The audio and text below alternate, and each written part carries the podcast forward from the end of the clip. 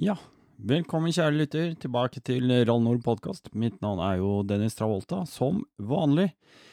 Denne episoden, som alle andre, sponses jo av eh, mine patrons. Det er faktisk eh, de folka der ute, de lytterne der ute, som har eh, tatt mot til seg og ønsker å støtte med et lite bidrag i måneden. Det er fra to til fire liter bensin det koster her.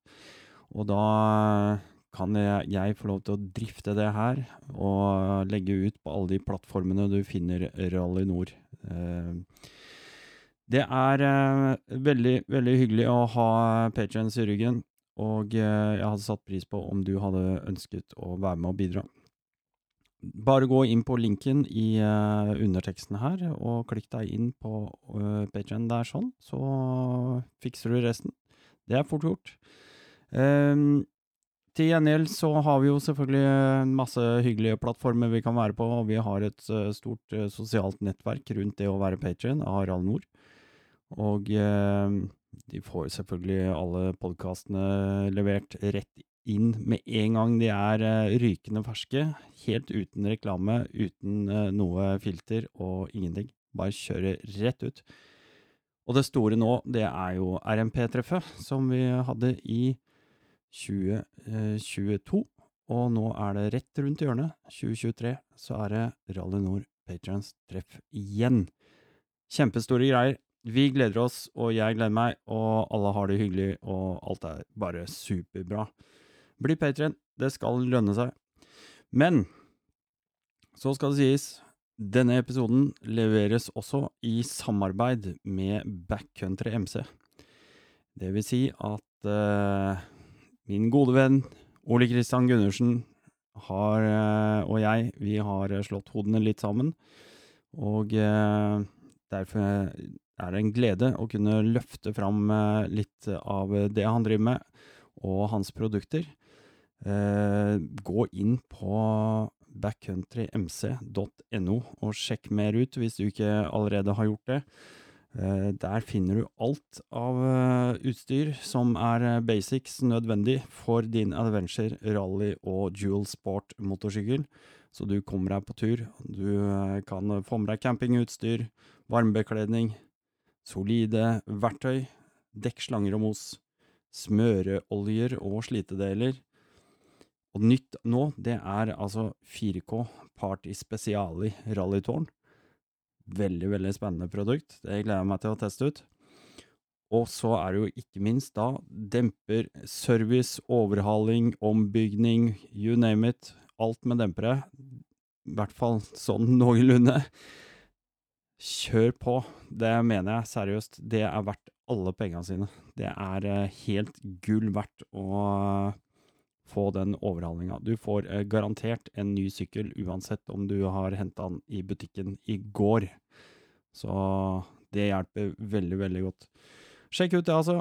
backcountrymc.no for mer info om det. Og da må jeg legge til at denne eh, denne episodens test, det er altså en liten mini-review på noen håndplukkede ting som jeg har fra hans butikk. Jeg vil gi en skikkelig shoutout til Motion Pro Chainbreaker. Yes.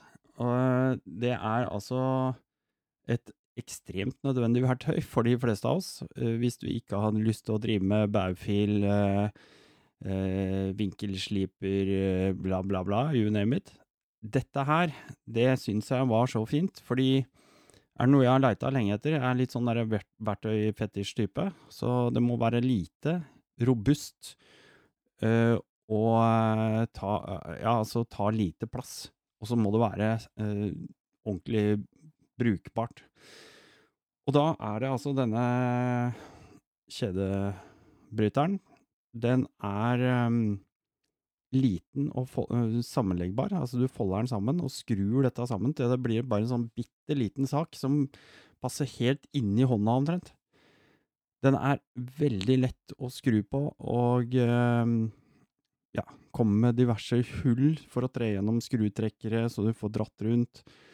Det krever veldig lite, og er kjempefin også når du skal ha på f.eks. kjedelås med klips. Så kan du faktisk bruke den til å klemme inn eh, skiva ordentlig, så du får på klipsen mye lettere. Den bør du sjekke ut. Den eh, anbefaler jeg virkelig. Men eh, akkurat nå så kjører vi på med dagens episode. Velkommen til Rally Nord podkast.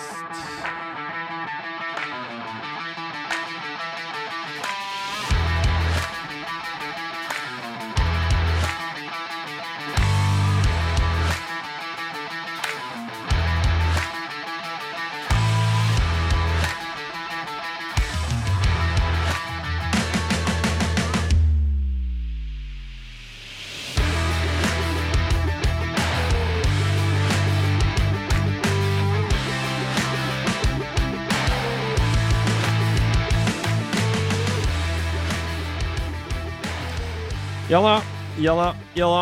Velkommen tilbake til eh, Rall Nord podkast. Det er selvfølgelig podden som starter der asfalten slutter. Og for deg som har hørt dette noen ganger, du har antageligvis veldig mye luft imellom hjulet og uh, hjulbuer. Fordi dette her, det eh, dreier seg om offroad. Og i dag så skal vi absolutt snakke om offroad. Vi skal snakke rally. Det er ikke første gang i år vi tar opp rally. Uh, det er en het potet, rett og slett, uh, nå for tiden. Uh, og derfor så er det utrolig kult å få lov til å ha disse to i bildet foran meg her nå. ok, dette er en lydpod og en videopod, så her er det muligheter. Her kan du gå på YouTube og se hvis du vil det.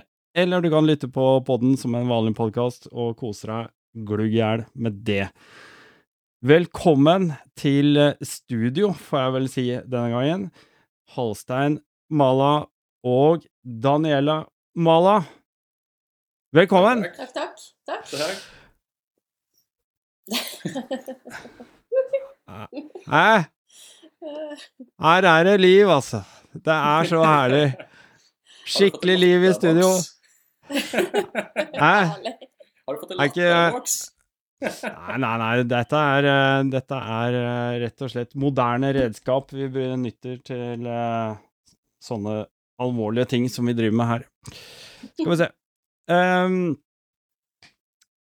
skal vi rett og slett bare si at det her ser ut som Eller det skjønner vi jo. Mala, dere er jo et ektepar, skal være. Sitter skulder til skulder i stua, antagelig. Jeg veit at dere har fått poden i seng. Eh, litt sent utpå fredagskvelden. Velkommen, og eh, veldig hyggelig å se dere. Takk for det. Takk. for det. Hyggelig å få være med. Ja. Eh, jeg hadde jo den gleden at jeg fikk møte deg et lite øyeblikk, eh, Halsein, når vi var på MC-messa. Da sto du på en stand der borte. Det var et veldig kort, eh, kort øyeblikk. Jeg var uh, utskremt medarbeider for uh, Twinpex bort på en eller annen stand der du var, og skulle montere på en sånn Twinpex som jeg hang sånn løselig på. Bare for syns skyld. Reklame, bling, bling. Ja, det var, Skal vi det var, folk, det var nok av folk vi måtte stoppe for å prøve å stå på den. riktig, riktig, riktig. Vi skal ta mer om alt dette her seinere, men først og fremst så må jeg vite litt mer om dere. Det er, eh, det er litt grunnleggende. Kan ikke du eh, begynne, Halstein? Å, oh, begynne, ja. Uh, nei, hvor skal man begynne? Altså, jeg er jo uh, nei, Nå kan du bare prate. Nå, nå, skal jeg bare ta meg en øl, så kan du prate masse. Nei, jeg har visst Nei, det er ikke jus.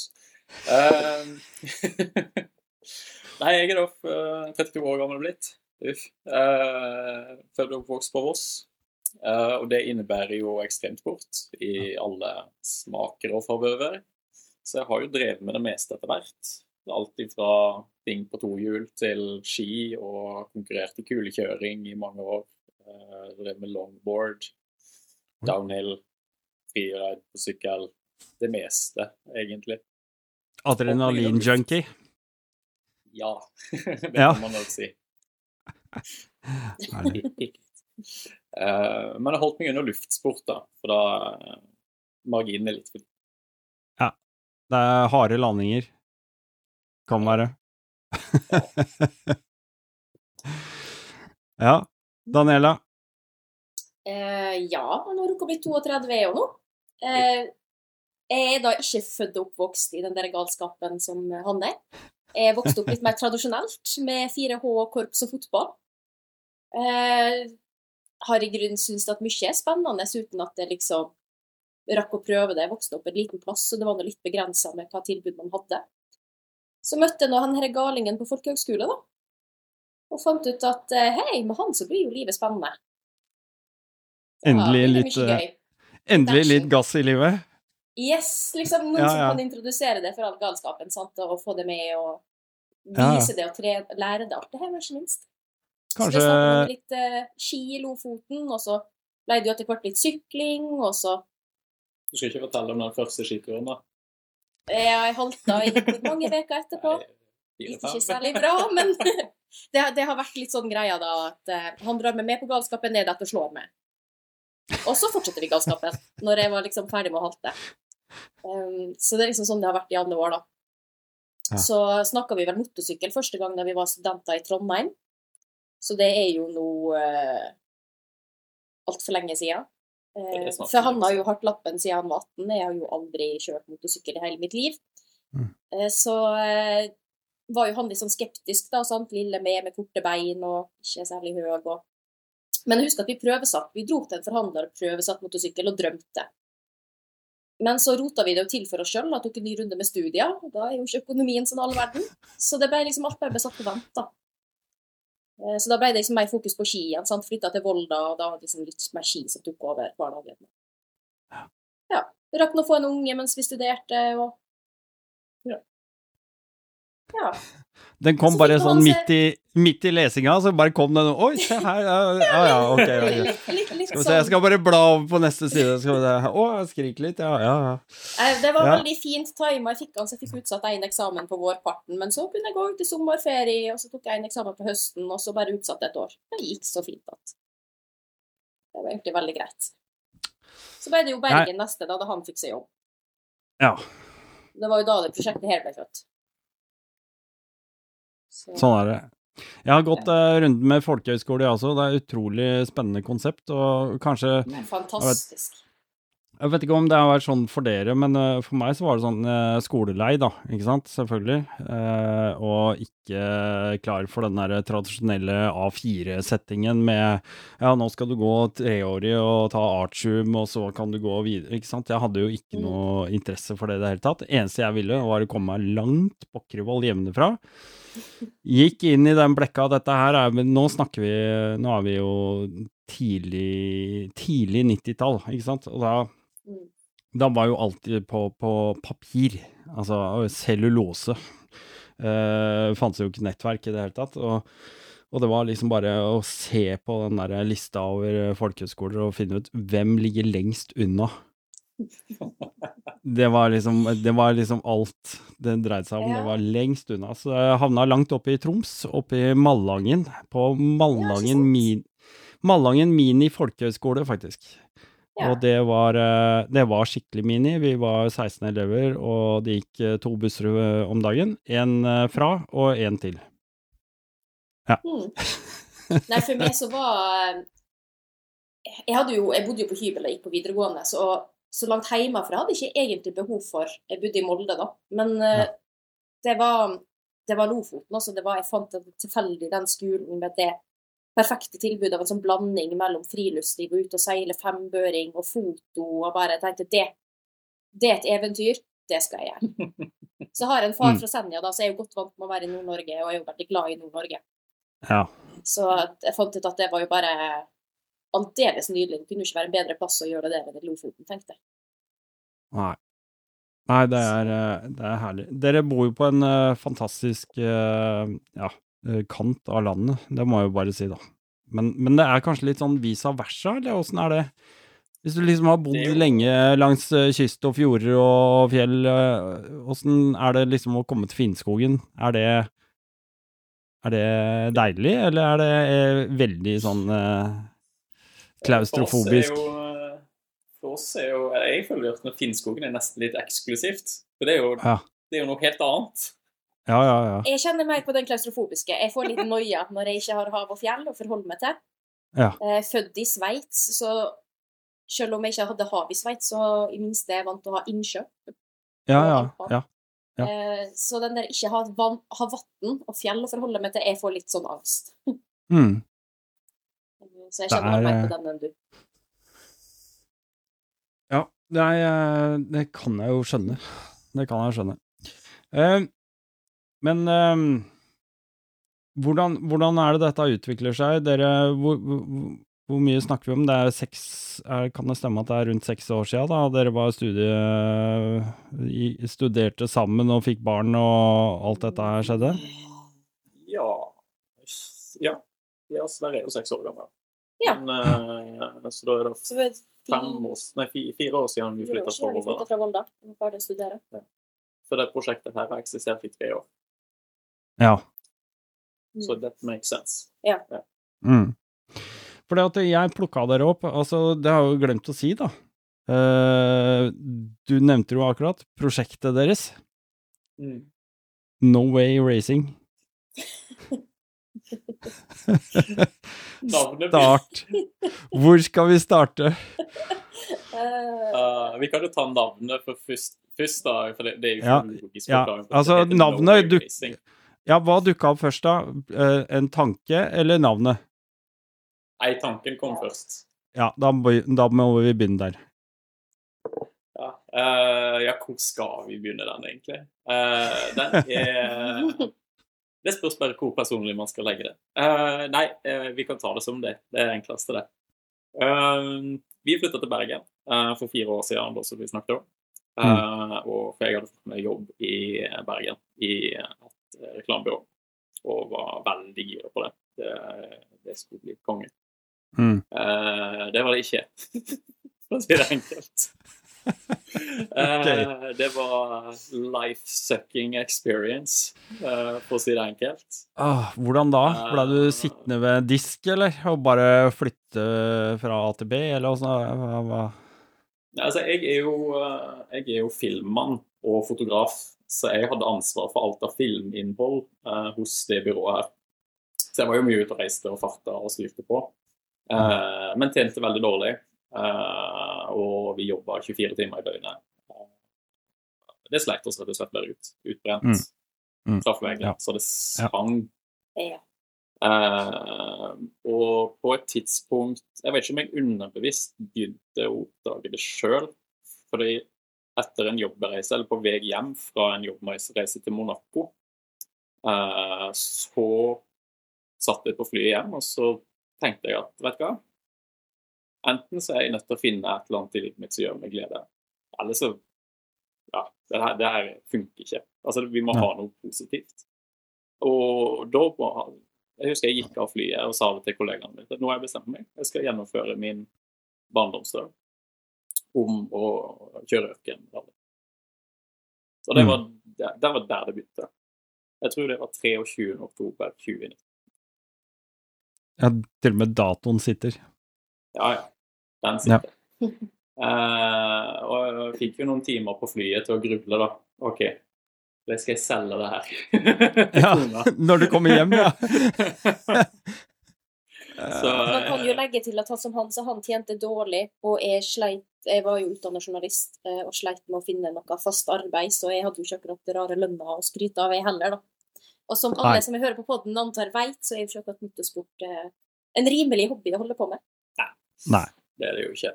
Så Eh, men jeg kom jo hjem og hadde, hadde planen klar, og ja, ja, jeg skulle bygge det her opp gradvis og sette tydelige mål og jobbe over en lang tidsperiode. Skaffe finansiører, sponsorer etter hvert. Mm. Slutte jobben. Det var liksom goal number one. um, og gi gass på det her, da, og prøve å på gjøre det resultatmessig og sportslig så godt som jeg overhodet kunne, da. Det var på en måte alltid målet mitt fra start. Men så gikk jeg jo hjem og presenterte det her, og så sier jo hun som alle gode koner skal når gale mannfolk kommer og foreslår sånne dumme ting, nei. Selvsagt sa hun det.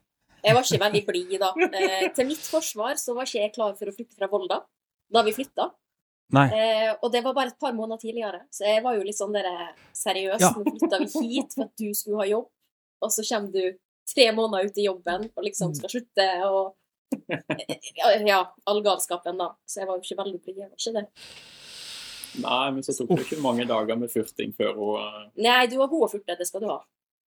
Det tok et par dager, og så fant jeg ut at uh, OK, da, det her stakk jo litt dypere enn eh, at han bare hadde fått det for seg at han skulle være gal som vanlig.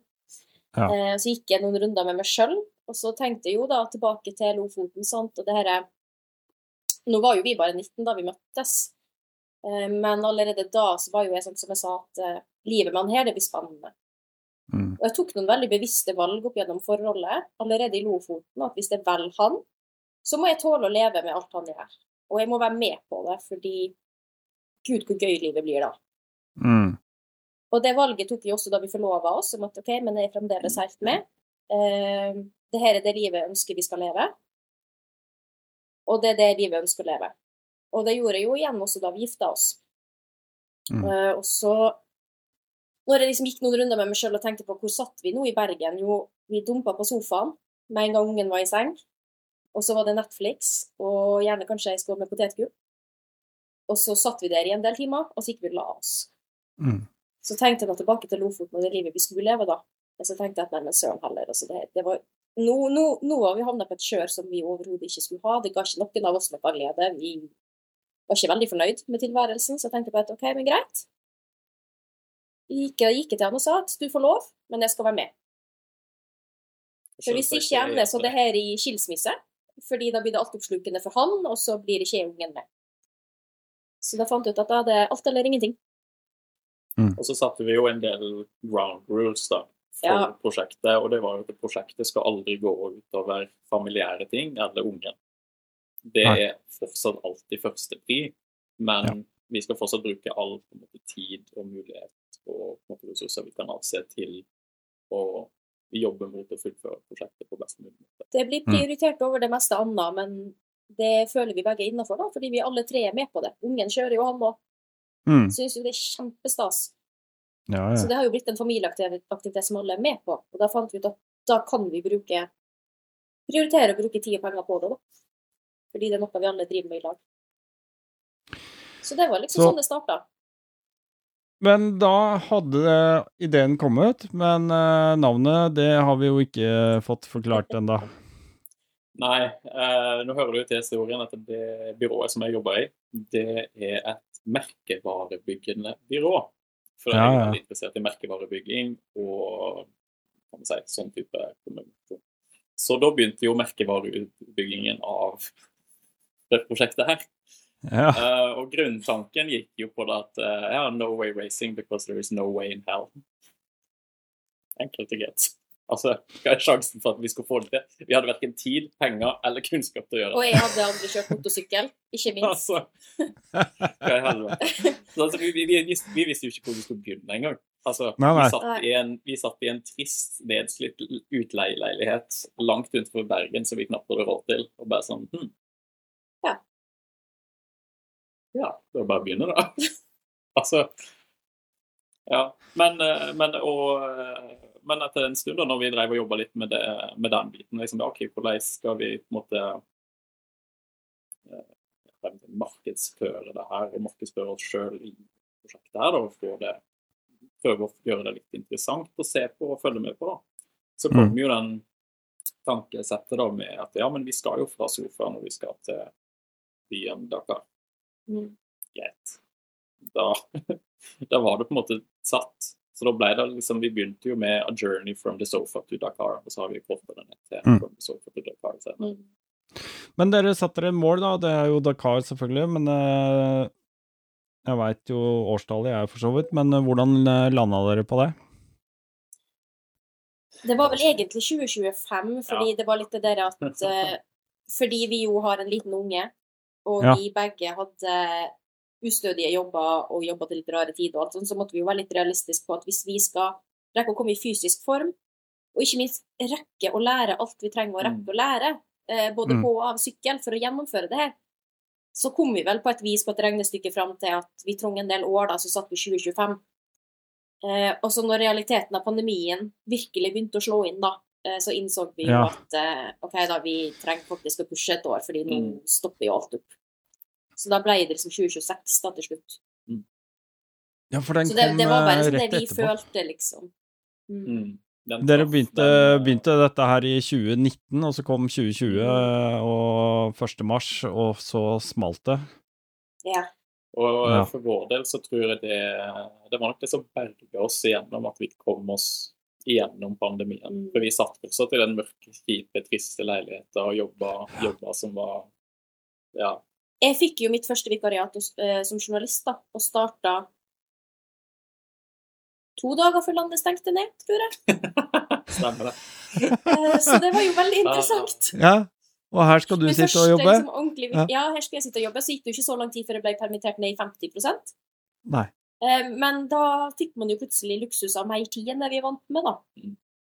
Så man kom seg Ja. minst mer ut, og fikk begynt å bevege seg. Mm. Så ja, eh, ha prosjektet gjennom pandemien og gjennom tøffe jobber, og når ting ikke sto så bra til og sånn, har jo vært gull. Men jeg tror jeg fulgte dere fra ganske tidlig. Eh, av en eller annen grunn. Jeg veit at dere var veldig aktive på Instagram, og det var mye Det var liksom litt sånn kult å lese undertekster til bilder og sånt nå, husker jeg. Uh, og så uh, Dere begynte med én sykkel, gjorde dere ikke det? Mm. Ja. Det var jo å to. For det var først i 2021 Ja, vi kom oss på slutten av sykkel. 2020. Ja, vi kjøpte vi sykkel. Ja, ja, vi hadde jomfruturen lille julaften Mm. 2020. Så vi hadde et du- helt år der vi bare trente. Ja, riktig. Og du Men Og når var det du tok lappen da, Daniela? I fjor sommer. Ja, det var i fjor sommer, ja. Nei, sommeren før. Mm. To år siden nå blir det sommer. Det du tok en E- sommer. 21. Ja, 21. Ja. Ja. Oh, det går så i sult. Men, uh, ok. Den, den ene sykkelen, da, den uh, førte til at dere måtte jo Nå måtte dere jo begynne å faktisk trene litt. Mm. Hvor var det det begynte å foregå? Var det lokale crossbanen, eller? Det, det var det absolutt. Eh, da kom vi oss Vi skaffa oss en gammel, eh, gammel Suzuki RM 254-takter. Vi tenkte det var lurt. Kickstart og Å, gud, den kickstarteren. Å, den holdt på å ta livet av meg. Det var 200 i puls bare jeg skulle prøve å få den der i gang. Jeg måtte finne noe å stå på. Sjans kickstarta den ellers. Hata den sykkelen intenst, altså. Du Det får var mitt trimma første litt, møte da. med motorsykkel. Ja, herregud. Du får litt kondis, da. Første sommeren med, med crosskjøring, så kunne jeg bare stramme det her beltet på brynja mer og mer for hver gang jeg trente, for fettet bare rant. Det var helt vilt. Ja, du sleit litt med den. Ja. Merkelig nok. Han var ikke god å få i gang heller. Nei. Han var ikke det. Og så er det så deilig, nok, da, for å si det sånn. så deilig når du blir stående i sånn skråning. Mm. Eh, hvor du liksom står sånn eh, med skråninga nedover på venstre side, og så har du kicken på høyre. Det er sånn derre da, da hater man. Da er man Ja. uh... Jeg, jeg ble stående etter det kom noen og kunne holde sykkelen for meg, så jeg kunne stå på den og tråkke. Jeg hadde ikke Ja. sjans ellers. Nei da. Og så er det jo veldig gøy når du er ny og fersk, da, og du liksom ikke har lange nok bein til at du kan redde inn en noe som helst av situasjonen. Holder du på å velte, så går du ned fordi du, du har ikke lange nok bein til å redde det. sant? Så det var ganske mye knall og fall. Yeah. Åssen var, eh, var den overgangen, egentlig? Dere hadde jo en drøm, dere hadde en, eh, en, en tanke om hvordan, hva dere skulle gjøre. Altså, du, Halstein, hadde jo kjørt mye sykkel før. Jeg vet ikke, Hadde du kjørt eh, mye offroad, eller var det Åssen var det? På forhånd? Nei, jeg hadde Altså, jeg tok lappen og kjøpte meg en Aprilia RS 250 Ja. eh, Gatesykkel, med andre ord. gatesykkel, R-sykkel, Ja. en tosylinder Ja. totakter. Riktig. Ikke helt sånt. Uh, Ikke det heller. nei, nei, herregud, jeg kan ikke eie sånt. Jeg kan ikke sånt. Nei, det er det satt ned forbud mot nå. Ja. Uh, nei, jeg hadde den i to måneder, og så fant jeg ut at enten så kommer den sykkelen her til å kvitte seg med meg, eller så kommer- må jeg kvitte meg med den. Uh, jeg klarte å selge den før han tok livet av meg. så da. Uh, og etter det så har jeg ikke hatt sykkel, faktisk, før vi da kjøpte sykkel, den Suzukien. Ja, okay. Prøvde Så litt Trondheim, da, så vidt. Du var på et enduroløp i Trondheim. Fikk låne sykkel. Jo, stemmer det. Jeg fikk låne eh, Når jeg var oppe i Trondheim så, eh, og studerte. Så har, jeg har jo alltid vært interessert i motocross og enduro, sånn, for det er jo veldig gøy. Eh, men aldri hatt muligheten til å kjøre noe særlig. Eh, og så endte jeg opp med å jobbe i eh, fiskesjappa til Lars Tore Thomassen. Hvis du Aha. kjenner til han? Eh, Eh, han er jo en engasjert, uh, engasjert sjel i enduromiljøet. Og okay. dattera hans, Viona, kjører jo enduro. Eh, veldig artig type. Eh, men eh, han eh, fant jo ut av det her, og vi snakket, så, så fikk jeg låne sykkelen hans. For han hadde knekt armen. Så Da Ja. måtte jeg representere han da på lokalt sånn her åker-enduro-løp oppi der. Jeg har aldri sett han så sliten i hele mitt liv. Han lå som en sjøstjerne på gulvet i tre dager etterpå. Oh. Ja. Det var Jeg kunne jo ikke kjøre sykkel. Altså, jeg kunne jo clutch og gir og sånn, men Nei, altså, jo det er, det er jo det, vet du. Når alt er nytt, så spenner du jo hver eneste lille fiber i kroppen til uh, altså maks hele tiden, ikke sant. Altså du, du, du sliter deg jo ut i løpet av ja, et kvarters tid, så er du helt ødelagt. Ja, det Det var er hele min første sesong. Mm, mm.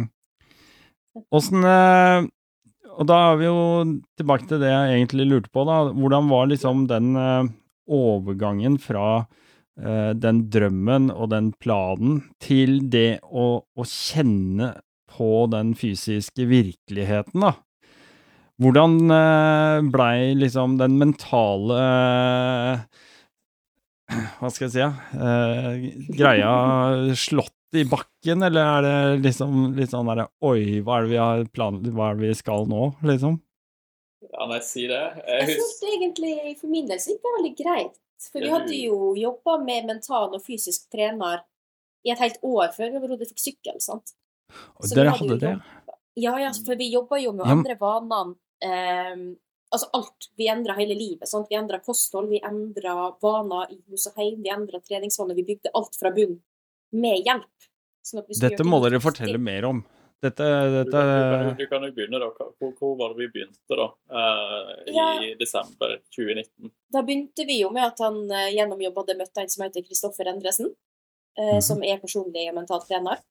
Han har Mhm. sykla Norge på opp og ned flere ganger og kan mye om mye og har vært en kjemperessurs. Så det vi rett og slett vi starta så enkelt som at når du skal snu hele livet sånn, så kan man liksom ikke begynne med at nå skal jeg ut og springe tre ganger i veka, og så skal man klare å holde på det her. Så vi begynte så enkelt som med at eh, vi skulle legge fram treningstøy på treningsdag. Eh, trenger ikke ta det på engang, vi skulle bare legge det fram. mm. Og så når du har bygd den vanen, så skulle du begynne å ta det på. Og så var det omtrent at du skulle gå fem meter utfor døra. Og så skulle du gå ti minutter. Og så bygga vi sant, kjempesakte over måneder opp til Mm. at vi sprang joggeturer på 10-15 km um, Flere ganger. vet flere ganger i veka. Ja. Hadde styrkeøkter. Ja. Mm. Så det, det her over et år sant, bygde vi oss veldig gradvis og forsiktig opp. Både for å ikke overbelaste og få skader, men også for at det her skulle bli en varig endring som faktisk varer livet ut. Sant? Vi skulle komme oss opp av sofaen, og vi skulle Ja. bli værende opp av den sofaen. Mm. Ja. Men i den oppkjøringen òg, da, kom få kroppen i gang etter sofasitting i altfor lang tid. Vi kom jo da fra et sofatilværelse i Volda òg, egentlig. For det Etter siste at ungen kom. etter ungen kom, egentlig. Mm. Eh, Mm. Jeg gikk jo på en smell når vi begynte å trene igjen, for jeg er jo utålmodig som mann pleier å være. Eh, og uh, trente, pusha kroppen for hardt for tidlig. Eh, og endte opp med at den ene foten min var plutselig så mye kortere enn den andre. Åssen er det mulig? Å, for det du det, det, det rett og slett trakk sammen? Mm. Bek bekkenet hadde tråkket seg sammen sånn. Så hele Ja. ryggen min var litt sånn Ah, ah. Kiropraktor er en fin ting. ja, Så heldigvis så har vi en god kompis som er PT og kiropraktor, som uh, hjelper oss med gode priser på kiropraktikk. Så Klippekort? Vi får regelmessig god oppfølging der. Eh, Ja. Det, har, det, har, det har vært helt uh, vurderlig. Uh, vi kunne ikke ha Vi hadde ikke stått her uten. Ja, for vi har, jo, vi har jo ikke klart det her feilfritt. Eh, Vi har jo gått på eh, smeller, og så disse samtalene med Ja. treneren har jo tidvis vært parterapi. Eh, Men sant, da er det jo å lære av smellene man går på, og så forbedre. Og så tenker jeg at ikke gi opp fordi man gikk på en smell, man må Mm. lære av det, og så må man bygge videre på det, og så må man justere. Jo, men det er jo en styrke, da, når man har vilje til å lære sammen. Det er jo Mm. en fantastisk eh, ting, da. Det, det er jo ikke eh, veldig mange som, som kanskje har den, eh, den fordelen heller. I, som er i par, mener jeg. Som, Mm. hvor kanskje den ene har lyst til å, å gjøre en livsstilsendring, og den andre liksom tviholder på Nei, vet du hva, jeg skal sitte her i sofaen, jeg, altså. Og så Ja. blir det på en måte en slags sånn skjevhet og en veldig sånn dårlig Ja. Ja, det var jo Dårlig greie. Eh, grunnen til at jeg ble med på det her, for jeg innså jo at eh, det var, det var begge, eller så kunne vi gå til partet vårt. Jeg tror ikke det hadde funka med en mellomting. Nei, jeg tror ikke det. Man må liksom gå litt inn for det hvis man først skal få det til. Men, eh, men, da, opp- men som du sier, da, sånn inn mot eh, første møte med sykkel da, og bane, så en Mm. mye av treningen vår, i tillegg til den fysiske treningen, var jo òg å kan man si, prøve å tilegne seg kunnskap om det å kjøre motocross. Mm. Vi hadde jo ikke peiling. Nei. Så hvor snur man seg da? Jo, da snur man seg til YouTube. Og så begynte vi å se på how to-videoer Mm. og så Mm. gjennom det meste og prøvde på en måte å Vi hadde jo ikke kjørt denne, så vi, men vi prøvde bare på en måte underbevisst kan man si, lære ting. da, sånn at Når man først setter seg på sykkelen, så begynner ikke man dag én å bygge dårlige vaner og dårlig kjøreteknikk. Man prøver allerede da fra starten. Du skal sitte langt fram på setet. Gjøre de riktige tingene med en gang, ja. Ja. Prøve å liksom bygge de rette vanene, de rette teknikkene fra start. Og terpe og terpe og terpe. og terpe, og terpe. Hver Mm. gang vi kjørte på banen, fra første dag på banen, så Mm. hadde vi alltid en plan når vi reiste til banen. I dag skal vi øve på høyresving. I dag skal vi øve på venstresving. I dag skal vi øve på stopping. I dag er det akselerasjon og giring. I dag er det ståteknikk. Mm. Og, altså, og hele rekka kjører ruts. Hver gang så hadde man noe man skulle terpe på.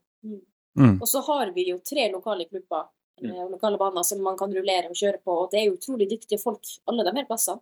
Mm. Så Mm. vi har jo blitt møtt veldig positivt og åpent eh, i klubber sånn, der folk eh, har vært villige til å lære bort og vise og komme med tilbakemeldinger Mm. og ris og ros og og ta til seg det også, sant? til å bruke den lokalkunnskapen som finnes i klubben. Benytte de ressursene som er, ja. Mm. Men eh, ja, var tilbake til spørsmålet det er faktisk det du spurte om. Første møte med sykkel, jeg husker det var armer og bein rundt i en råten bane med så mye gjørme. Ja, For at det hadde regna i tre uker, og vi fikk én dag med opphold, så vi måtte ut og teste sykkelen. Uh, og uh, jeg tenkte at uh, Ja ja, det er bare å begynne å jobbe. Det Jeg mener det ligger bilder av det der ute på den Insta-profilen deres. Eh, Det kan det godt hende at jeg gjør. Jeg husker egentlig det eneste jeg tenkte gjennom hele det der, når jeg liksom prøvde å finne ut av clutch og gir og hva søren er alt det her. Ja. Eh, Det eneste jeg tenkte gjennom hele, det var bare jeg skal til Dakar. Så hver gang jeg tryna, og hver gang jeg gikk ned, og hver gang jeg gikk skei, så var det bare ja, jeg må jo bare opp igjen. Jeg skal til Dakar, jeg har ikke noe valg. Og så var det bare opp igjen. Og så.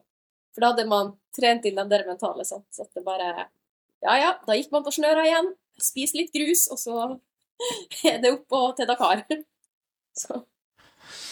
Ja, det er helt herlig. Um, men um, OK, fra, fra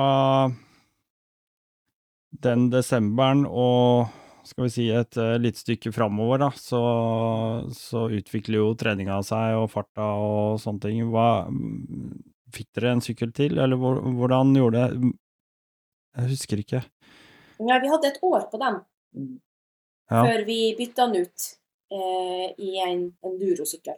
Mm. Så vi solgte den høsten 2021, Ja.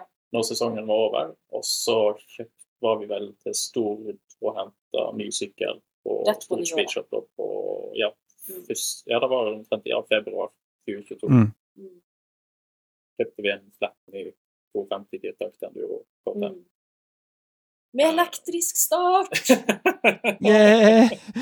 Gud, det var så vind!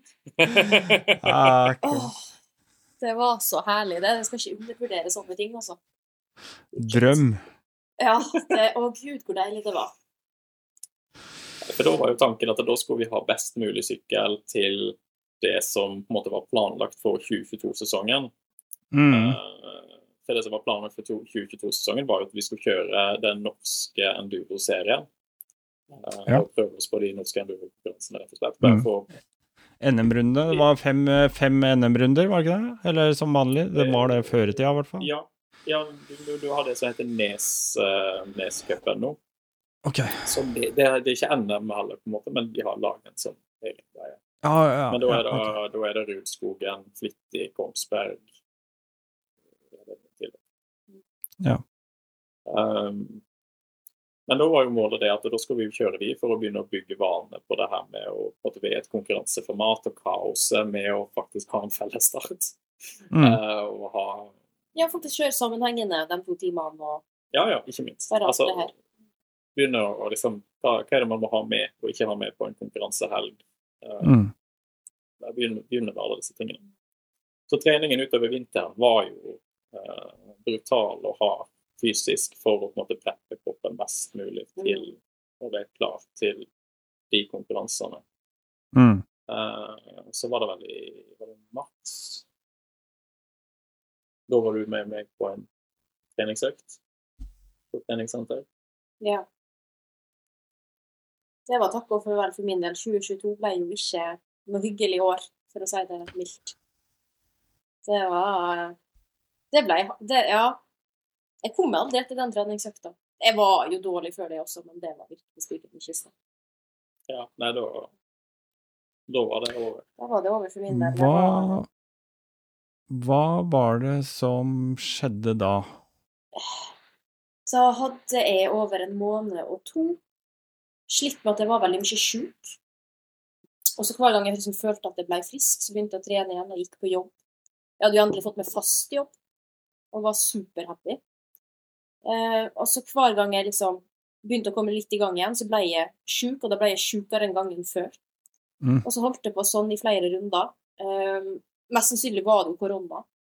Eh, vi var skamdårlige begge to en periode. Og til slutt så sa det bare full stopp. Eh, Jeg hadde kyssesjuka da jeg var 20, og sleit en del år etter det med Nå har jeg jo fått diagnosen kronisk eh, utmattelsessyndrom. Mm. Eh, Og det kan linkes tilbake til da, Altså, jeg fikk rett og slett en ny smell etter å ha vært frisk i mange år. Det er altså alt bare Jeg møtte så heftig veggen, det ble bare full stopp. Kroppen klarte ikke noe lenger, og hodet hang ikke med. Og... Så jeg gikk fra å være i omtrent mitt livs form, som jeg har brukt to år på å bygge, til å slite med å komme meg opp av senga, Mm. rett og slett. Um, prøvde jo smart som jeg er, sant. Uh, flink pike-syndrom. Uh, og jobbe, så jeg jobba jo 50% i flere måneder før liksom i juni. Da sa legen bare at nå, nå er det stopp. Nå sjukmelder det helt. Uh, og så er det jo litt sånn med diagnosene og sånn, så tar det ting litt tid, da. Så Mm. på høsten fikk jeg jo endelig diagnosen da, og har ikke vært i jobb siden. Nei. Så dagene mine nå, det går i å hvile mest mulig. Ja. Det er det som treneren vår sier, at du, jobben din nå er å være profesjonell på å hvile. Mm. Jeg skal være verdensmester i å hvile. Yes. Eh, Mm. Og så er det jo sant at jeg har noen unge, jeg har noen mann, og så litt aktivitet blir det jo. Men når jeg er hjemme på dagene, så hviler jeg mest mulig, og så er det bare litt i lag med ungen, og så er det noe Bekke Halstein med treninga hans, sørge for at han får lagt inn den treningstimen han trenger, være med og planlegge hva type trening han skal gjennomføre. Piske meg ut døra. Eh, piske han ut døra, holde han igjen. Han har vært en eh, omtrent like stor jobb. Eh, apropos at han har trent seg skeiv. Fair enough. Eh, så jeg har liksom måttet skifte litt fokus fra at jeg må se an overskuddet fra dag til dag, og så overskuddet jeg har, det må jeg da bruke på å være litt mer heller trener, da. Og Mm. lagleder, som vi sier. Og innsett at også hele 2023-sesongen ryker for min del. Um, Det per dags dato er- så kjører jeg jo ikke motorsykkel heller på vei. Jeg er rett og slett Nei. ikke i form til det. Nei. Du er redd for å miste i konsentrasjon. Ja, jeg har, eh, jeg har ikke verken fysisk eller psykisk kapasitet, rett og slett, til å Nei. i trafikken på to hjul. Jeg håper jo at det kommer i løpet av sommeren, da. For nå når Mm. finværet kom, så kjente jeg jo at eh, vinteren var på en måte grei. Det har vært surt, og det har vært brutalt å havne på sofaen igjen når du har brukt to år på å komme deg opp av den fordømte sofaen. Mm. Men med opptur og nedtur og sammen som kommet seg litt gjennom det, vinteren gikk tålelig greit, for det var jo drittvær uansett, sant. Men nå når finværet kom, og det bare sånn Å, jeg har så lyst til å kjøre sykkel. Å, jeg har så lyst til å kjøre sykkel. Og så krasja han sykkelen min. Jeg Så krasja ikke sykkelen. jeg. Jeg ble krasja i. I alle fall. Sykkelen gikk sin vei. Um, så ble det Ja, våren har vært litt kjipere, kjenner jeg. Jeg skulle egentlig vært på to hjul nå, altså. Men, eh, Men uh, jeg har ikke lyst til å slippe helt taket på det. Um, det å leve med en såkalt usynlig sykdom, da. Uh, nå har du jo vært gjennom kyssesyken en gang tidligere i livet, så du veit jo åssen det er å være sliten og utmatta og bare måtte slappe av, men uh, hvordan er det Hvordan fungerer det dere imellom som, eh, som par, på en måte, med den fordelinga og er det vanskelig for deg, Halstein, å liksom på en måte Er det en overgang for deg, eller merker du ikke så mye, føler du? Nei, det var jo en overgang i starten. Mm. Eh, du var men- vel litt usikker på om jeg egentlig overdreiv litt og pingla ut. det var vel derfor Mm. du var med meg på trening og Ja. ødela deg fullstendig. Yes. Men, Mm. Men etter, ja, nei, det var jo en overgang, for da, det gikk jo på en måte da fra at vi var to om alt, til vi var på en måte en under en, en halv om alt. Mm. Mm. Så eh, ja, det er jo mer på meg, men, men igjen så er jo ikke det mye. For vi, vi har jo verdens snilleste unge, som er Mm. ekstremt selvstendig. Så hverdagen vår går jo veldig fint opp sånn som den gjør nå. Den gjør jo det, Det fungerer og egentlig veldig bra med tanke på omstendighetene. vi brukte jo sommeren og tidlig høsten også på å finne balansen sant? mellom hva er passe for meg, hvordan får vi dynamikken hjemme til å fungere nå. Eh, Fordelen for Hanstein oppi alt det her Man må jo bare ta det positive, og ta det positive ut av det. Det var jo det at han slapp å krangle om kjøretid på sykkelen. sant?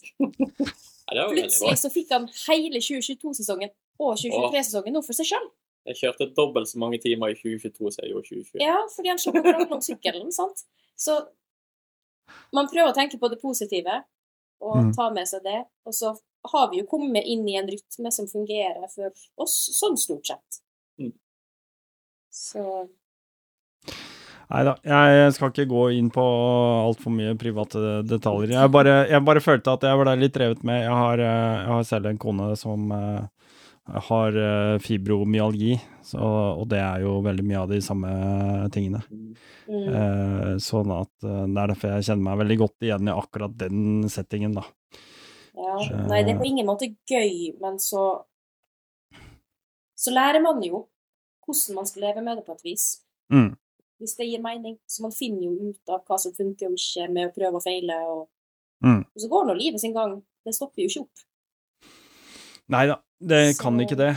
det. Show must go on, som det var en Det eh, det. kjent uh, kar som sa. Men det Men- blir jo ikke Dakar i 2026 for min del, da. Nei, Det, men uh, hvordan gjør dere det nå, da? Er, målsettinga for deg endra på noen måte, eller, Halstein? Ja og nei. Mm. Uh, på samme, på, egentlig så er jo grunnmålet det samme. Det er prøve å klare topp 15-plassering i Africa Cape Race i 2026. Og det har det egentlig vært hele veien, og er fortsatt. Mm.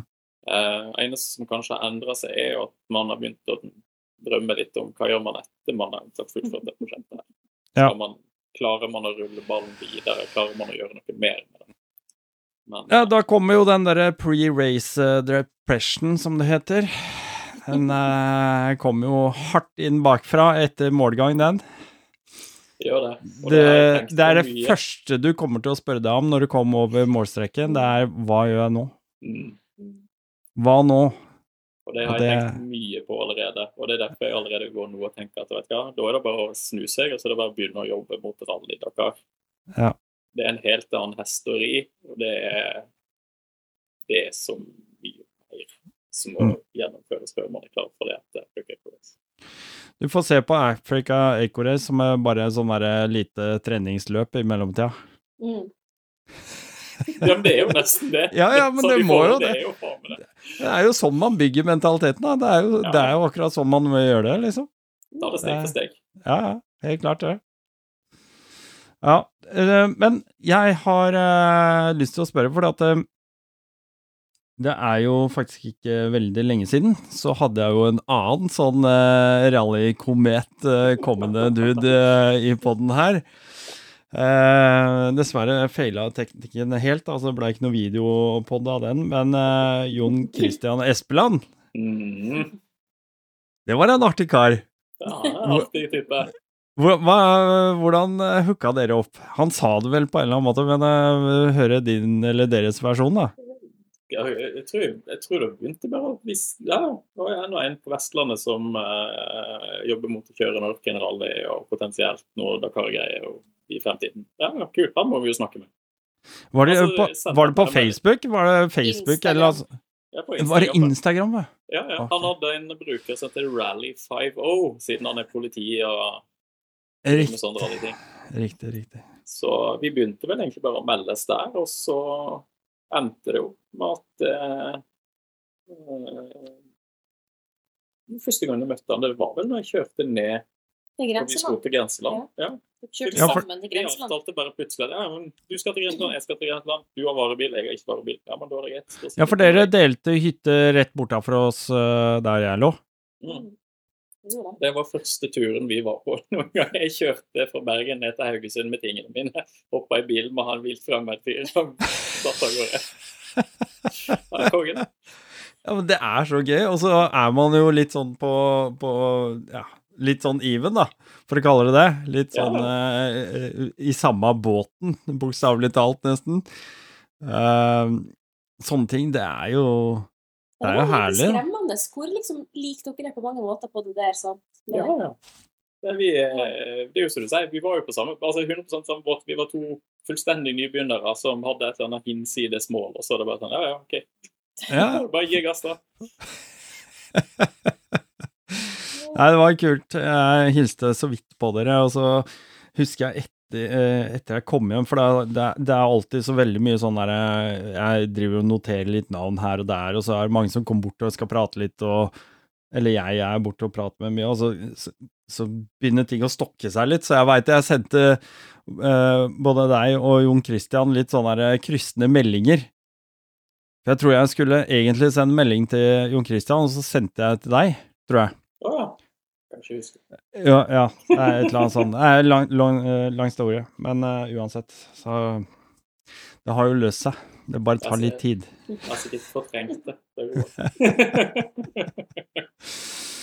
Men uh, hva, hva skjer nå? Altså, hva, hva har skjedd i år, da, for å begynne der? Um, ja, hva har skjedd i år?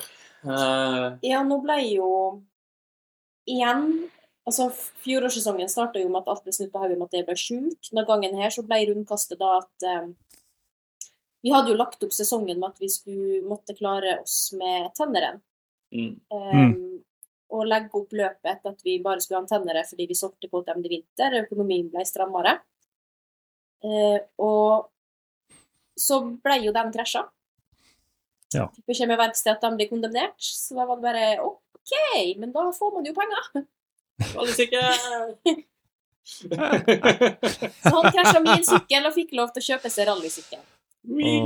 F- evig takknemlig, eller? Ja. Det er bra. Hun har jo verdens snilleste kone, så da Ja. Tross alt, hun har jo vært med på den galskapen din, da. Må jo sies. Hun har det. Hun har Ja. det. Og det er veldig, jeg prøver å være flink til å si det til andre, at hun er verdens snilleste kone. Ja. Ja, det skjønner jeg godt. Men åssen er det nå? Du, dere er jo en eh, kamp eh, i forhold til disse målsetningene. Alt dette her, og alle som har drevet med motorsport, eh, uansett, så eh, kanskje enduro og sånne ting, er ikke verdens dyreste motorsport. Men det koster mye penger allikevel, altså. Mm. Jeg husker når jeg kjørte aktivt, og da snakker vi aktivt, eh, jeg kjørte for 20 år siden, så gjorde jeg opp et lite budsjett for meg sjøl, og så at eh, ja, jeg snitter 4000 kroner i måneden på en eh, den gangen, ikke sant, lønnen Mm. til under Mm. 300 000 kroner i året og hadde kid og hele greia. Altså, jeg klarte jo ikke å forstå, øh, forsvare det den gangen lenger.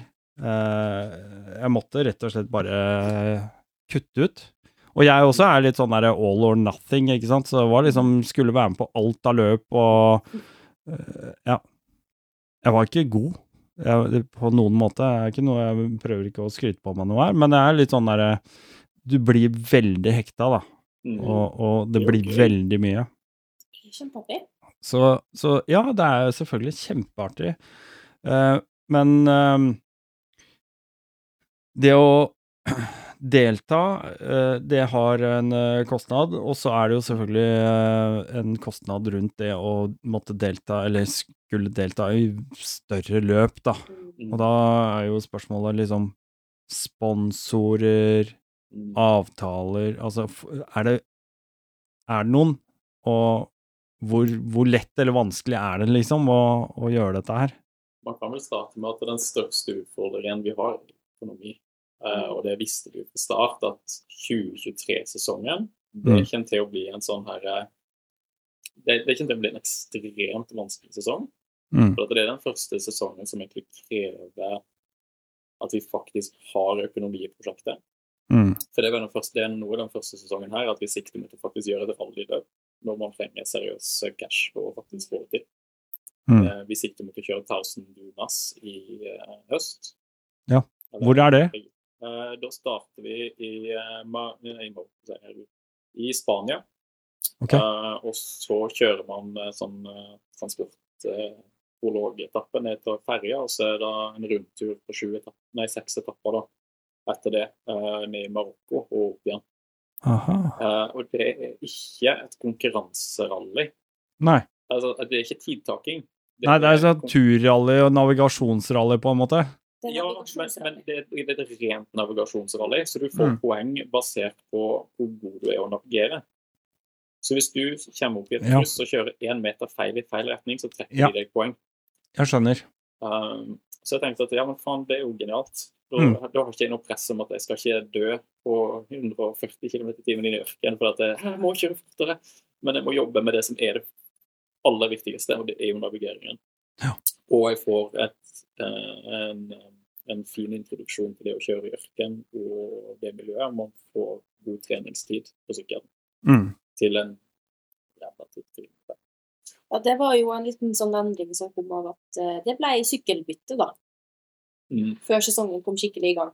Eh, Litt sånn uventa. Ja. Så gjorde det mulig, da. Men det er jo som man sier, sant, økonomi er jo et problem nå. Nå er vi liksom kommet dit at uh, det klarer vi ikke å finansiere på egen hånd. Mm. Nei. Så.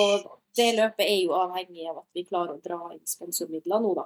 Mm. For fram til nå så har vi liksom klart å skrape sammen, og vi har Gud, vi har solgt mye dritt. Vi, er- Vi har så solgt ut noe mye. Siste som røyk, var vel eh, toppturskia mine. Ja. Eh, så vi har ofra mye, liksom, for å få til det vi, det vi har fått til så langt, og nå blir vi å trenge litt mer. Mm. Så Så det er eh, jeg har jo brukt veldig mye tid i høst og i vinter Mm. på måte sponsorjage mot denne sesongen. mm. Og vi har fått med, vi har fått med noen sponsorer, så det her er faktisk grand reveal, Dennis. Ja, Og ok. årets, eh, noen av årets. Det jobbes med flere og har noen flere i emne, men det er ikke noe som er klart ennå.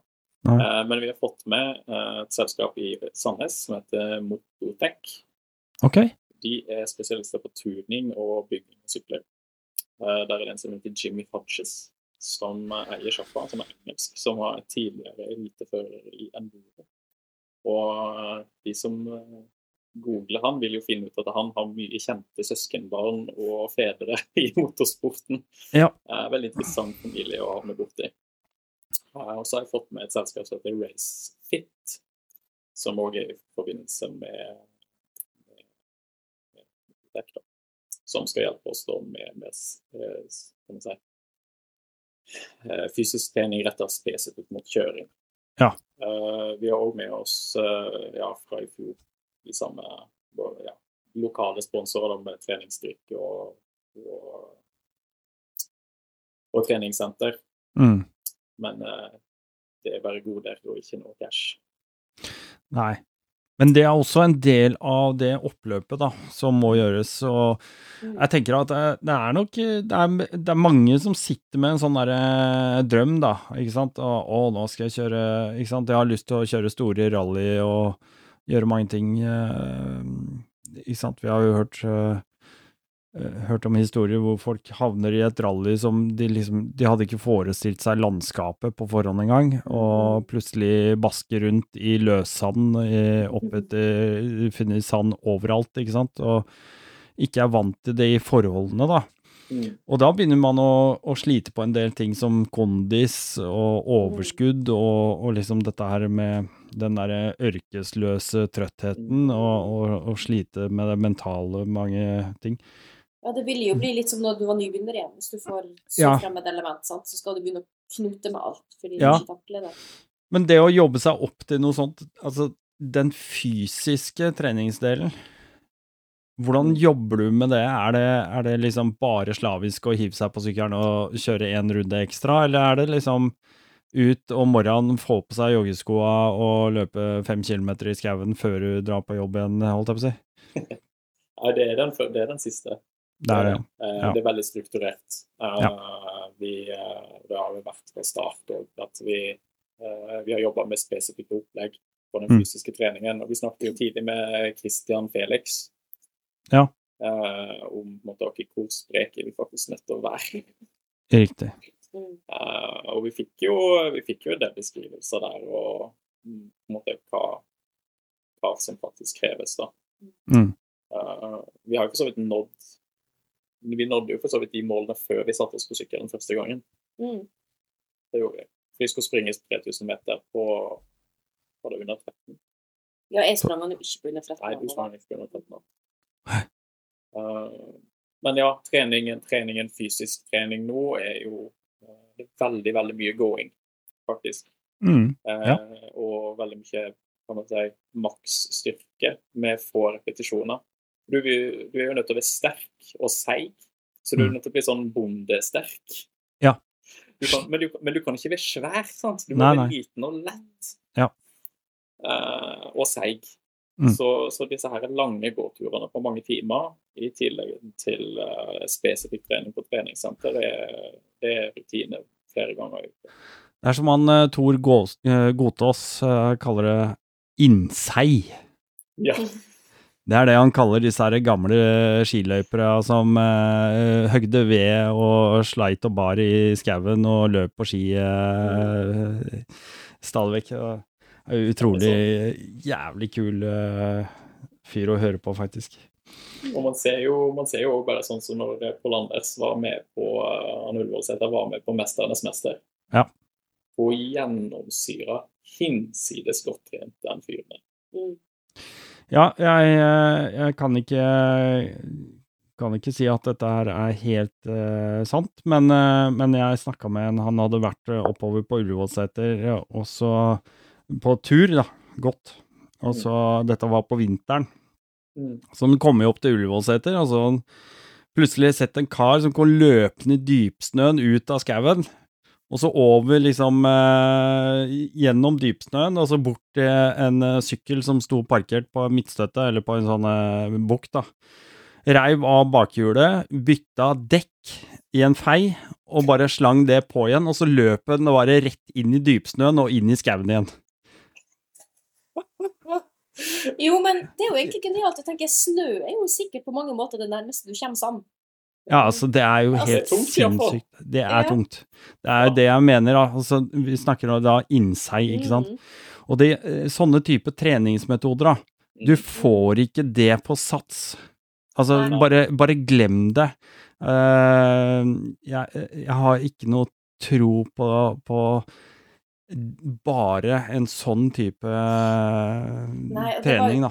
Treneren vår var jo veldig på det der at i sesong så er det ingen trening som er bedre enn den faktiske treninga på sykkel. Nei, Mm. Så i sesong så handler det jo alltid om å kjøre mest mulig, men hvis du av ulike årsaker har nedeperioder, Ja, ja. der du ikke kan kjøre, sant, så gjør du de andre treningsoppleggene, for du Mm. trener jo ikke styrke og kondis flere ganger i veka når du også kjører flere ganger i veka. sant? Nei, nei. Men du har jo offseason, og så nå så henta han jo ny sykkel forrige helg. Den ble kjørt rett til verksted på Sandnes. Ja. Og skal jo fikses, så den står jo der ennå. Så den har jo ikke noe sykkel å kjøre per dags dato. Nei. Og da, da blir det gåing av styrketrening og det bare å prøve å bygge, bygge kroppen best mulig til det den skal ta tak på. Så blir det Mm. kjøring for alle penger når sykkelen kommer i hus. Mm. Det blir godt. Og det blir et, jeg er litt, litt redd. Du er det, ja? Jeg har kjøpt meg 450. OK, det er alle som lærer folk å kjøre motorsykkel, sier? Ikke kjøp 450. altså, det er jo det dummeste du kan gjøre når du skal kjøre på bane, og du ikke er erfaren og god. Du, altså, jeg kommer til å rive av meg armene. Altså, herregud. Du Håper kommer vi til å ikke feirer sykehusopphold, da. Nei, det satser på det. Satser på det. Det blir en uh, bratt læringskurve, men uh, utrolig gøy, da. Satser på det. Det er klart det blir det. Det er klart det. Hvordan er forventningene til 450, da? Skal vi si noe om det? Hva, hva forventer du egentlig om det? Nei, eh, sånn eh, på land, landeveien, når vi skal kjøre grus og lengre etapper og faktisk kunne kjøre litt sykkel med roadbook på, Mm. så håper jeg jo at den er litt lettere å ha med å gjøre da enn tenner igjen. Ja. Jeg må si det sånn at eh, når jeg har vært på gruskurs med Pål Anders med tenner igjen og skulle henge på de som kjørte 350 og 500 kubikks KTM, så må man jobbe, altså. Men du hang på, da. Jo, det gjorde jeg jo. Men, Ja. men, men, men jeg håper jo at det er en sykkel som på en måte krever mindre energi. ja. uh, å få kunne kjøre uh, jevnt fort med. Og Ja. på en tryggere måte. For at tenner er et godstog når du kommer inn i en 90 graders sving på grus. altså. ja veier nesten 100 kilo mer, og Mm, ja, det er, eh, det er mer andre typer krefter. det er det. Det er helt klart. Men eh, ja, når er du får eh, sykkel? Er det til neste uke, eller? Eller går kanskje ikke så fort? Hadde det vært så vel. Eh, jeg, jeg, jeg henter den 13.-14. mai. Ok. Og så er det å dra rett hjem og pakke og skru på de siste delene, og så er det å reise rett på grenseland. Ja. ja, men da ses vi i hvert fall der nede. Det blir jomfrutur og mye testing og feiling den helga, tror jeg. Ja, men det er ikke første gang du er på jomfrutur der, vet du. Det er sant, det. Jeg syns jeg hørte noen rykter om at, uh, at Jon Christian også har fått seg en ny sykkel. Oh, Ja. Har ikke han det? Kvitt han seg med han igjen? Han, fikk, han kjøpte jo. jo, han kjøpte jo vår. Han kjøpte jo trenings eh, 250-en vår. Det gjorde han. Okay. Men om han har bytta ut det igjen, det har jeg ikke fått med Men meg. eh, det ryktes ja vel at han er på jakt. eh, Han driver og kvitter seg Ja. sykler Ja. er på jakt etter noe. Eh, Ja, men sånn er det. Noe, men om det- men om det har skjedd noe utover det, det Nei, tør ikke for nå, nei, for nå blander jeg den eh, nye sykkelen dere har kjøpt, og at han skal selge sine sykler. Ja, ikke sant? Men det er jo ikke lett å henge med i det her. da. Nei, uff.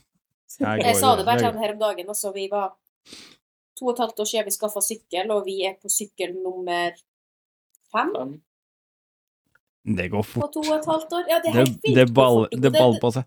Bare baller på seg og blir bare skifta ut og Altså, nå nærmer jeg meg 50 år, og jeg, eh, jeg kan aldri komme til å klare å finne ut hvor mange sykler jeg har hatt. For det Nei, men jeg, jeg mener det litt sånn er- seriøst, helt seriøst. Og så uh, har jeg jo nå i 2020, da, som jeg kjøpte eh, long rangen Jeg tror ikke jeg har hatt en sykkel så lenge, nesten. Noen gang. mm. Jeg tør å påstå det. Og så har jeg faktisk bare Jeg har, jeg har liksom funnet meg inn Altså funnet meg rett til rette med at den sykkelen her vil jeg ha. Mm. Jeg har ikke lyst ja, Nå har jeg ikke lyst, for jeg har så mange sykler som jeg sitter og tenker nå i dag, da. Sånn der eh, plutselig Jeg skal ta meg en kaffe, ikke sant, så går jeg og skal hente meg en kopp, og så bare Å, faen, ja. Så har jeg lagd en kopp med bilde av den der gamle sykkelen. Jeg har liksom, Tenk deg hvor kult det hadde vært å ha den. Ikke sant?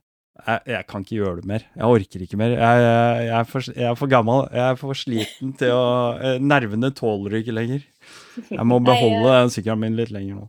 Jeg har jo innsett nå da at eh, det at eh, det blir masse sykler, eh, at det blir bytta ut, det kommer for å bli.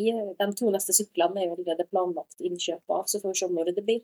Ja. Det er jo ikke så veldig spennende, men det er nå en elektrisk sykkel til ungen, apropos at hele familien må kunne holde Ja. med det. Det er Ja, ja. for egen, så det er liksom neste prioritet. Og så en liten pendlemaskin, men det blir vel billigst mulig, slik at jeg faktisk kan spare opp litt penger til en ny sykkel, siden noen jo ikke kom hjem med min fra tur. Ikke sant. Så får vi se når det blir, men uh, er litt liten å- unge nå tror jeg blir bra. Ja, Første omgang. det, skal, det er litt gøy, det òg. Er det Det Det er så mye lettere, for da er hele familien sånn at han kan stikke og trene når han vil, for da drar bare hele familien. Så er ungen Ja. og trener, og så trener han, så det er mye lettere for han å bruke tida han trenger. Sånn. Og seinere med også. Skal mor sitte og drikke kaffe. Skal jeg sitte og drikke kaffe fram til jeg kan kjøre igjen. Men eh, si litt om den eh, nyinnkjøpte 450, da. Oh, det er en Fantic eh, XEF 450. Det er ikke rallyutgaven, beklageligvis. Eh, den var litt for dyr i denne omgang. Men eh, det som er litt gøy, som kanskje ikke alle vet, eh, er at Fantic-syklene det er egentlig Yamaha med italiensk plastikk og egentuna ECU. Så det er en VR 450 Stemmer det. med skilter. Stemmer det. Og det får du ikke på VR-en lenger. Det gjør du ikke. Eh, og Så tanken min her er at nå, nå har jeg kjøpt en treningssykkel som jeg skal ha så lenge den holder, og Jimmy klarer å holde liv i den. Ja. uh, og så Du prøver å drepe den, og han prøver å holde liv i den. tenker jeg Ja. Eh, og så skal jeg supplere med Fantix sin XCF 450 Rally når muligheten byr seg. Mm. For det er akkurat samme sykkel. Det samme demper, det samme ramme, det samme motor. Uh, bare at den er kutta for rally med 30 Ja. fuel og på en måte sertifisert på en måte godkjent for å kunne kjøre Africa Race og tilsvarende. Ja, ja. Uh, og da har man plutselig egentlig to like sykler. Så det vil si at man har to sett. To hjulsett, to dempersett, to motorsett. Når man skaper konkurranse, så kan man bare pakke bilen med en hel delsykkel. Og ikke minst så har du jo da en treningssykkel som er så lik den sykkelen du skal kjøre på konkurranse som mulig. Mm. For det vi gjør nå, er jo at vi bygger Nå kommer det en 7,5 liters tank som skal settes bak på den Fanticen. Så Ja. man faktisk har litt fuel range. Mm. Så som så å si, de blir så de har en så lik som mulig da, kunne Mm. kjøre. Uh, hva var det jeg skulle si? Ja, du er driver jo og skal få satt på rallytårn og Ja, det blir ikke noe rallytårn, det blir bare sånn klem, ja, så... klempånd. Ja. Eh, Bare fuglepinne til å Ja, Ja. for da, da Mm. kan jeg enkelt bare ta det av og så kaste den på motocrossbanen uten å på en måte, på en måte skru i timevis. mm. Da måtte Um, skulle dere vel tune. Ja, ja, alltid. Eh, nå Motortech skal jo eh, Jeg tror de har hatt den på, eh, på benk allerede for å begynne å sjekke. Og det skal flashes eller tunes opp med eh, Ja. Og sånn. Men det her kommer det masse spennende om på Instagram etter hvert, når jeg får materialet. Men jeg regner med at Eller jeg regner med, jeg må jo spørre deg. Kommer du på RMP-treffet, eller? Nei, Nei! Du, det er 80-årsdag til hun bestemor. det. Uh, Å, er det den mai? Ja, Mm. ja Jo, men... så men- sek- Nei, det ikke, nei, ikke juni. Nei, det er juni, det her. Ja, Ja, juni. Snakker vi ikke om at du kanskje kunne reise på den? Nå, nå, må, jeg se, nå, må, jeg, nå må jeg se om jeg lyver til deg. Jeg tror Jonas halvveis har gitt han lov til å dra. Jeg mener å snakke jeg mener, å sjekke. eh, 8. til eh, 11. juni. Oi, det står til og med i kalenderen min. Ja, jeg vet at det står i kalenderen din. Vi har holdt det oss på, men sånn er det mest sannsynlig kan du reise, men vi må se an litt. Ja, stemmer det. Jeg må se om jeg klarer å få fri de to dagene. Ja, det er nå kanskje verre i ny jobb. Ja. Jeg har akkurat begynt i ny jobb, skjønner du. For Ja, ja. å kunne bruke mer tid på det her, skjønner du. Ja, ja, ja, klart det. Men uh, der kan jeg bare si det at uh, for uh, patrons så er jo det en innloggingsside nå på rallynord.no som, eh, som dere får tilgang til, og der er det eh, påmeldingsskjema, og i det påmeldingsskjemaet så kan du faktisk krysse av om du kommer åttende, niende eller tiende. Aha. Ja, men da kommer jeg. Ja.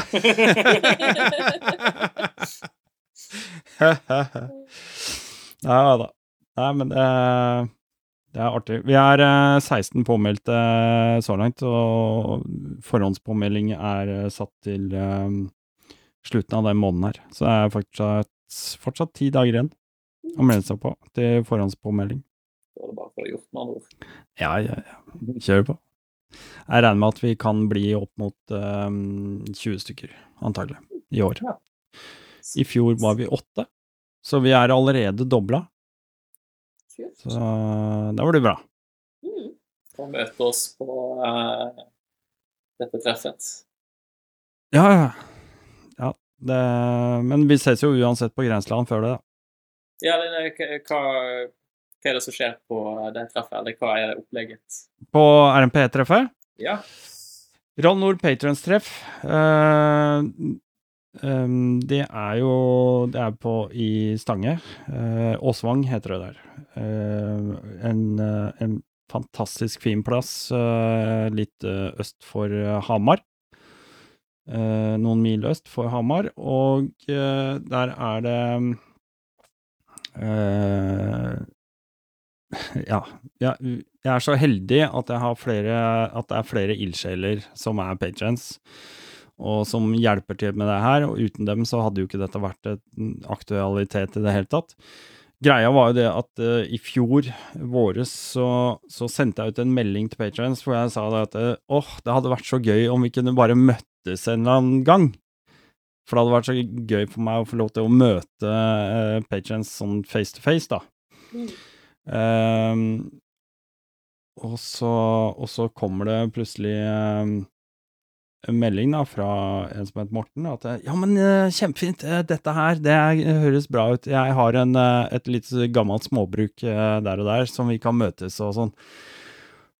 Og han var kjempeengasjert i det, og så ja, da gjør vi det. Og så Dette her bare balla jo på seg, og til slutt så hadde vi eh, Morten som sto for eh, det, og så hadde vi eh, andre som plutselig skulle lage litt mat, og så ble det liksom, det ble veldig koselig, da. Og noen lagde rollbook og sånne ting, og da fant vi ut at dette var så bra at dette må vi bare fortsette med. Så ja, det kom, står for andre gang nå da, i år, og da er det jo fort gjort at dette kan bli en uh, tradisjon, selvfølgelig. Mm. Som, uh, men jeg har ikke noe behov for å, å ha liksom 50 stykker der i år, liksom, eller på RMP-treffet. Eh, om det fortsetter å være der eller ikke, det vet vi ikke ennå, men eh, bare la det vokse sånn gradvis og forsiktig, syns jeg er helt uh, greit. Og et fantastisk eh, møteplass uh, på dette gamle småbruket hvor, hvor liksom folk rekker å bli kjent med hverandre. At det ikke er en sånn eh, nå, nå skal ikke jeg disse noen ting her, da, men uh, altså, for å si sånn, Rally Grenseland det er jo på en kjempediger uh, Mm. campingplass, ikke sant? Med hundrevis av campingvogner og masse andre mennesker overalt, og du må gå på kryss og tvers, og folk blir liksom spredd rundt omkring. Det blir veldig mye sånn her ja, stykkevis og delt, da. Eh, rekker kanskje ikke å bli kjent med så mange, men, men dette er så lite intimt at man sitter liksom rundt samme bålet og deler av den samme maten og, spiser frokost sammen og spiser middag sammen og, og liksom eh, Alle hører hverandre når man snakker og sånne ting. Og det, det er liksom den derre det er utedass og, og liksom eh, Noen sover i telt, og andre sover på madrass og innafor og, og sånne ting. Det er liksom Det er veldig hyggelig. Mm. Og, og så har jeg lovt at eh, i år så skal vi arrangere RMP-lekene, så, så det blir eh, det skal, vi, skal, vi skal ha mye morsomme aktiviteter, og, og eh, må ikke glemme det. Espen eh, har jo lagd eh, noen rådboker, Morten har lagd noen rådboker. De har jobba veldig mye sammen om eh, eh, løyper og sånne ting, så det blir jo Jeg tror det er tre og kanskje til og med fire roadbooks i området der, så det er ganske mye å velge mellom. Eh, kokken eh, har jo fått med seg en kokk til, så det er to kokker, faktisk, eh, som eh, lager mat. Så da blir jo sånn spleiselag med vips eh, i forkant, sånn til innkjøp av råvarer og sånne ting. Det er, nei, det er stemning, altså. Det er skikkelig, skikkelig bra. Så Det her, eh, det her høres eh, for meget ut, nesten. Det, det er kokker og god mat og roadbook. Altså, Ja, ja, det kan og ikke ja. og, og brønnvann. Og brønnvann, ja. ja, men, Ja. hallo. Det er helt nydelig. Så Nei da, det, det gledes. Det gledes. Så det var eh, Ja. Nei, det var litt godt at du spurte, for da fikk jeg faktisk sagt, sagt litt om det. Det var, det var bra. Det var kjempebra. Eh, Så for deg som hørte dette nå, hvis du melder deg eller blir patron nå i løpet av den måneden her, så, så alle patrions er jo gratis invitert, det koster jo ingenting. Det eneste som eh, betales for, det er eh, felles utgifter. Ta med deg egen dassrull. eh, ja, spleiselag, rett og slett. Så det Ja, sånn var det. Men hva skal vi si? Det har jo vært eh, jeg, jeg gleder meg til å følge med videre og, og se hva som skjer framover. Uh, følge med på engasjementet som, eh, som er uh, knytta rundt dette, og Er det lov med skamløs promotering på slutten, eller? Ja, bare kom med det. Kjør på! Vi lager en spleis, så vi prøver å komme oss, eh, prøver å komme oss til 1000 dunas. Så det er lov å, støtte, støtte spleisen for de som vil. Og eh, vi i god A4 pluss-ånd så blir alle, eh, alle som eventuelt støtter på spleisen, blir også trykka på sykkelen, som da eventuelt blir tatt med til konkurranse. Det her, det skal vi få med oss. Gå ned i shownotes, altså i underteksten til denne episoden, så skal jeg legge ut den linken til spleisen din. Eh, alle sammen regner jeg med kommer til å ønske dere masse lykke til med det, og kommer til å heie på deg videre, selvfølgelig. Det er jo eh, sånne historier, og det, det trenger jo ikke være det at eh, man kan gå og bære på en egen drøm, sånn som jeg da. Jeg kan drømme meg bort, jeg, og, sånne ting, men det er vel så viktig for meg å følge med på og se andres uh, suksess også, da, ikke sant, når du ikke sjøl klarer å henge med. Så masse lykke, lykke til med det, og lykke til uh, til deg også, Daniela, med, med å Håper du kommer deg på beina etter hvert, og får nyte sommeren. Ja, jeg har fått beskjed om at jeg kommer på beina igjen. Det var bare den der når som ingen helt klarer å Ja, spå. det skjønner jeg. Så det blir Er det noen siste ord? Nei. Nei. Så Tusen takk for at vi, Takk for at eh, vi med. fikk være med. Det var veldig hyggelig. mm. Ja, det var veldig hyggelig å endelig få prate med dere også. Da sier jeg bare som vanlig shalabais. Og da heter det Hva heter det da? Ha det bra. Nei, det heter shalabais! Shalabais. Ja! Skål! Nydelig skål. God kveld. God Jeg skylder på for mye whisky.